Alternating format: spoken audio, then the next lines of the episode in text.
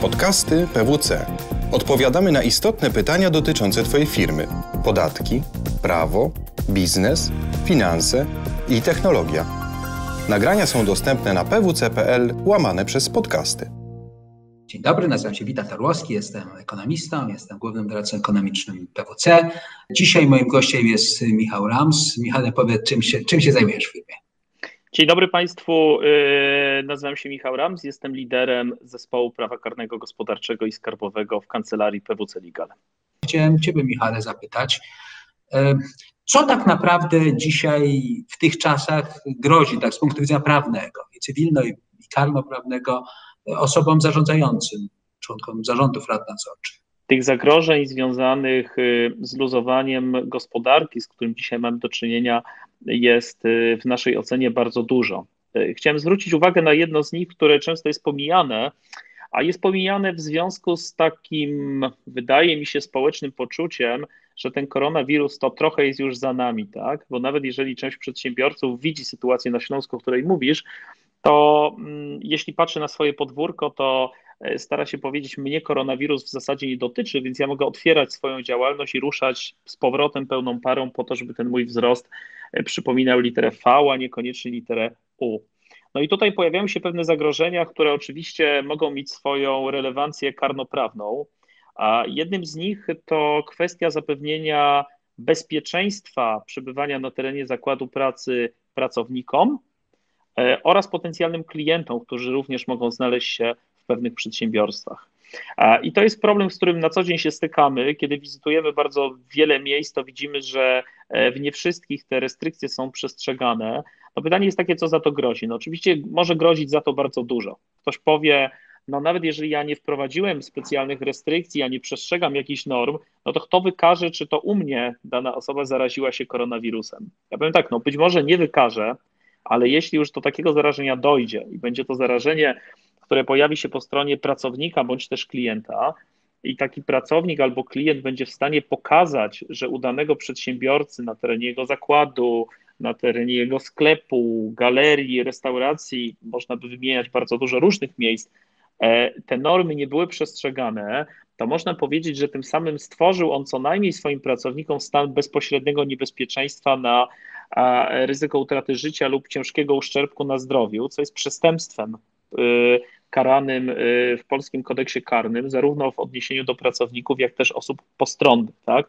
I to przestępstwo właśnie zasadza się na niewprowadzaniu bądź nieprzestrzeganiu norm związanych z bezpieczeństwem i higieną pracy oraz stwarzaniem potencjalnego zagrożenia. Ja mogę sobie wyobrazić, że jeśli ktoś ma e, pewien zakład, w którym przebywają konsumenci, i takich norm nie wprowadza, bądź też nie przestrzega, nie wymaga tego ani od konsumentów, ani od pracowników, to jedni i drudzy mogą czuć się narażeni i takie roszczenia mogą się pojawić. No, powiem, że e, w ostatnim czasie w mediach głównie zagranicznych pojawiają się już pierwsze informacje o e, spółkach, w których taki problem występował i które zostały ukarane. Te pierwsze informacje o karach również, również z łatwością można gdzieś w sieci internet znaleźć. No dobrze, no jedna sprawa jest oczywiście pilnować, aby było wszystko, co powinno być zrobione, a czy są jakieś narzędzia jeszcze ochrony prawnej przed ewentualnymi roszczeniami, oskarżeniami? No y, y, tutaj y, jakby wraca zagadnienie mm, tak zwanego compliance.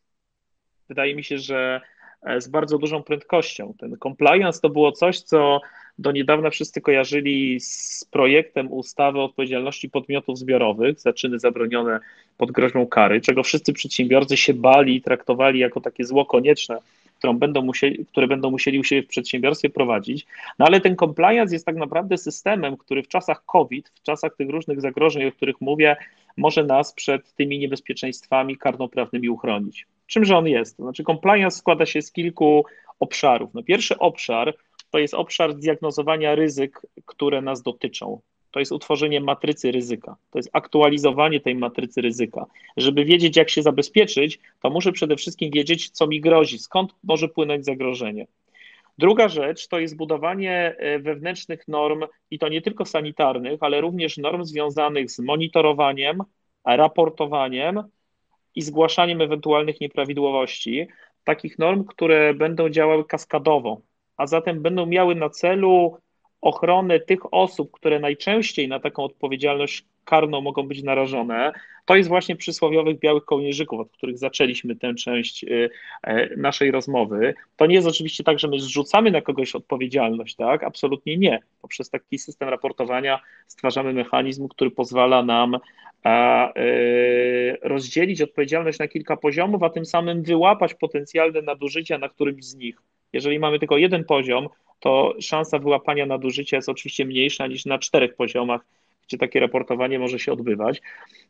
No i ostatnia rzecz to są y, działania szkoleniowe. Działania szkoleniowe, szkolenie pracowników, no i oczywiście uświadam, uświadamianie pracowników w zakresie tego, że jeśli do takiego wypadku dojdzie na terenie naszego zakładu pracy, na terenie naszego przedsiębiorstwa, no to konsekwencje będą dotykały nie tylko członków zarządu, ale też tych pracowników. Musimy pamiętać jeszcze o jednym.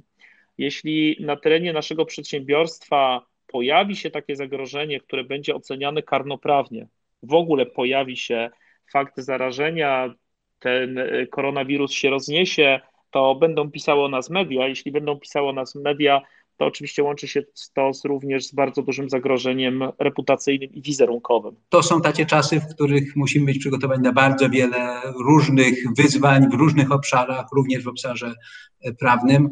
E, trzeba o tym wszystkim pamiętać, żeby to kontrolować. Każde ryzyko przede wszystkim musi być uświadomione i kontrolowane we właściwy sposób. Jesteśmy w stanie go zupełnie wyeliminować, nawet to jesteśmy zawsze w stanie kontrolować. E, dziękuję Ci bardzo, Michale. Bardzo dziękuję, dziękuję Witku.